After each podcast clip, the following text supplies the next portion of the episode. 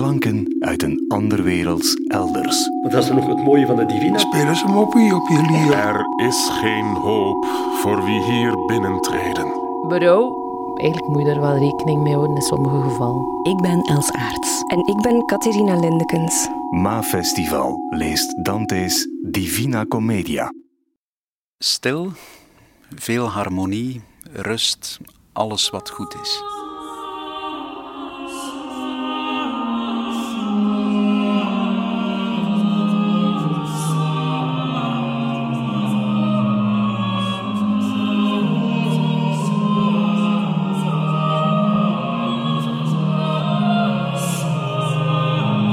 Ik hoop dat er heel veel kunst en heel veel muziek zal zijn. Dat muziek en kunst een eerste stap is. Waarin God ons al een klein beetje in contact brengt met, met zijn grootheid in feite. Eindelijk rust. Rust. Geen, geen vleermuizen meer in je hoofd en zo. Dat, maar dat hoeft niet een eeuwigheid te duren hoor. Daar moet ik, daar moet ik ook niet aan denken. Eh, een paradijs dat eeuwig duurt. Wat moet ik daarin in eeuwig? Wat, wat, wat doe ik dan in die eeuwigheid?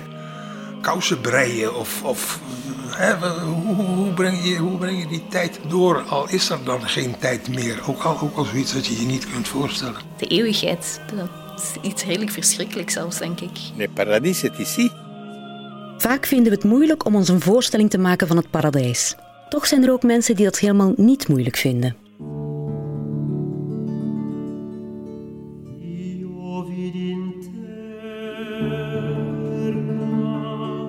Er is alles. Er zijn verschillende fruiten, eigenlijk goede dingen. Er zijn ook andere mensen die goede dingen hebben gedaan, die liggen respect hebben gedaan. Veel natuur, bomen eh, en dieren. Geen bijna uitstervende dierensoorten. Ik heb al gehoord dat er rivieren zijn van eh, drank en zo. Een pretpark met water en glijbanen. Boven in de lucht. Alles wat je vraagt, je hebt het. Het is net gewoon als de normale mensen die nog leven, wat ik denk. En die gaan gewoon op vakantie. Bijvoorbeeld wij wonen hier in België en als we naar Frankrijk willen, gaan we naar Frankrijk. En dat is ook een beetje als ik doe, de, zij willen in de hemel en de aarde is dan een vakantie.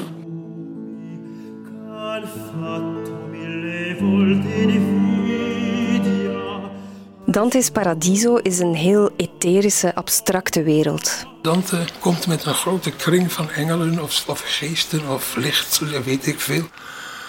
En dan, en daar blijft het bij. Maar hij, hij weet wel hoe je moet straffen en martelen, maar niet waaruit de, de verhevenheid van enige hemel eh, zou moeten worden voorgesteld.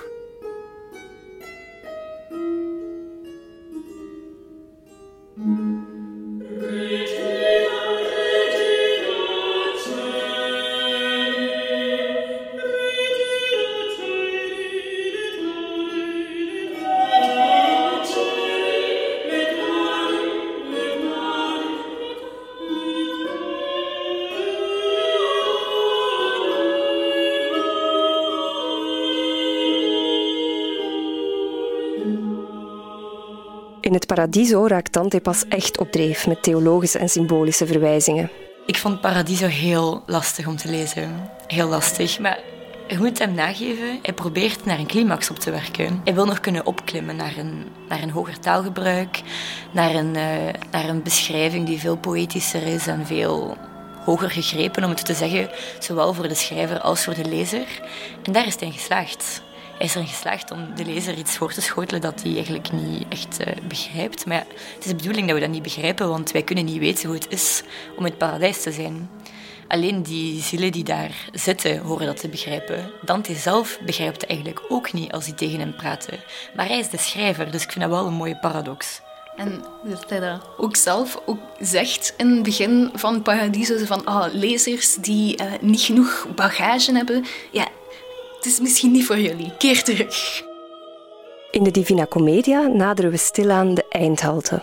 Dante en Beatrice doorkruisen negen hemelsferen, vernoemd naar de zon, de maan, de sterren en de planeten.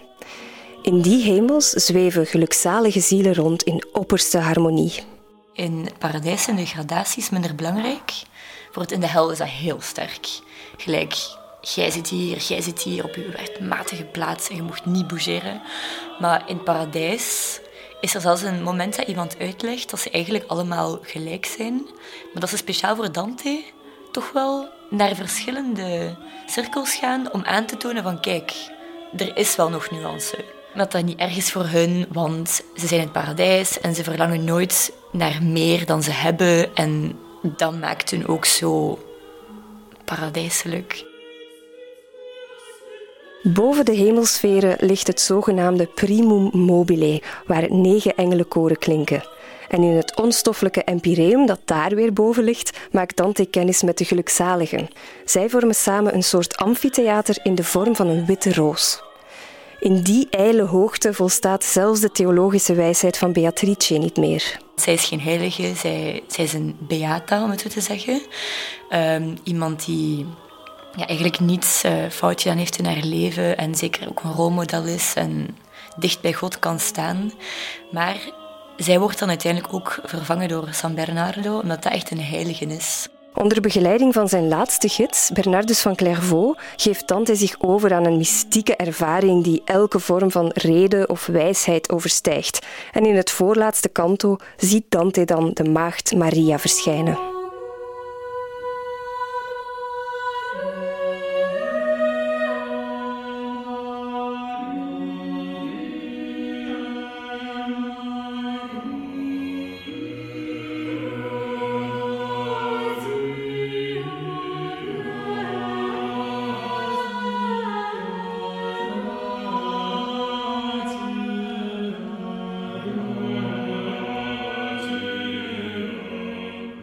Keek en zag haar stralen van zo'n pracht die als een gulden regen neerkwam stromen, een hulde, haar door engelen gebracht, dat niets wat ik daarvoor had waargenomen zo ontzagwekkend was, zo wonderzoet, zo aan mijn beeld van God nabijgekomen.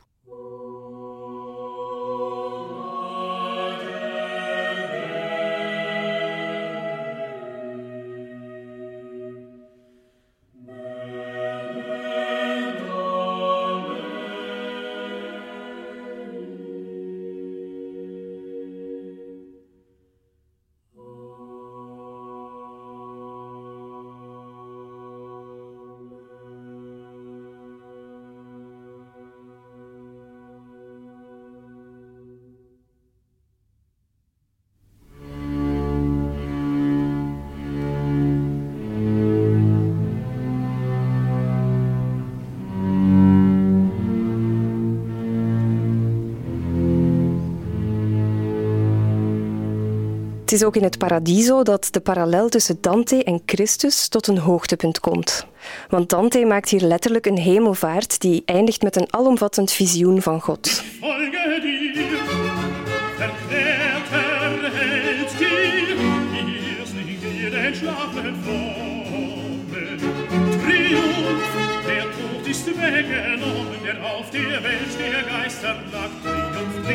der.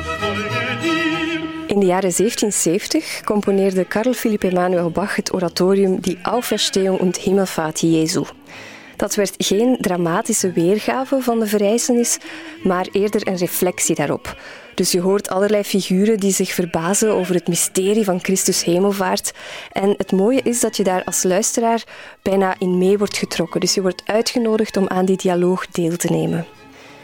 Het is echt een heel bijzondere compositie die eindigt met dezelfde bijna extatische triomf die Dante beleeft aan het einde van zijn Commedia.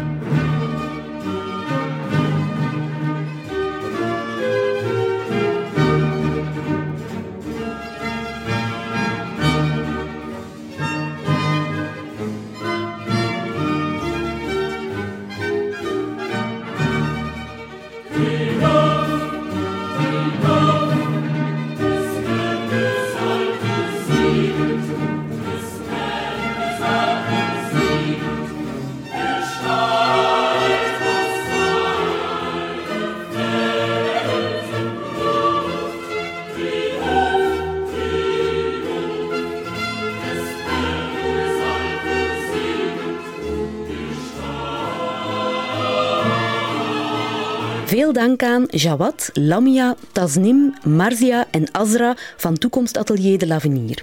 Ook aan Floris, Emel en Dylan. En natuurlijk ook aan Lauran Vermaarke, Jeroen Brouwers en Ida van Nek. Je hoorde muziek van Claudio Monteverdi, Marco da Galliano, Josquin Desprez en Carl Philippe Emmanuel Bach.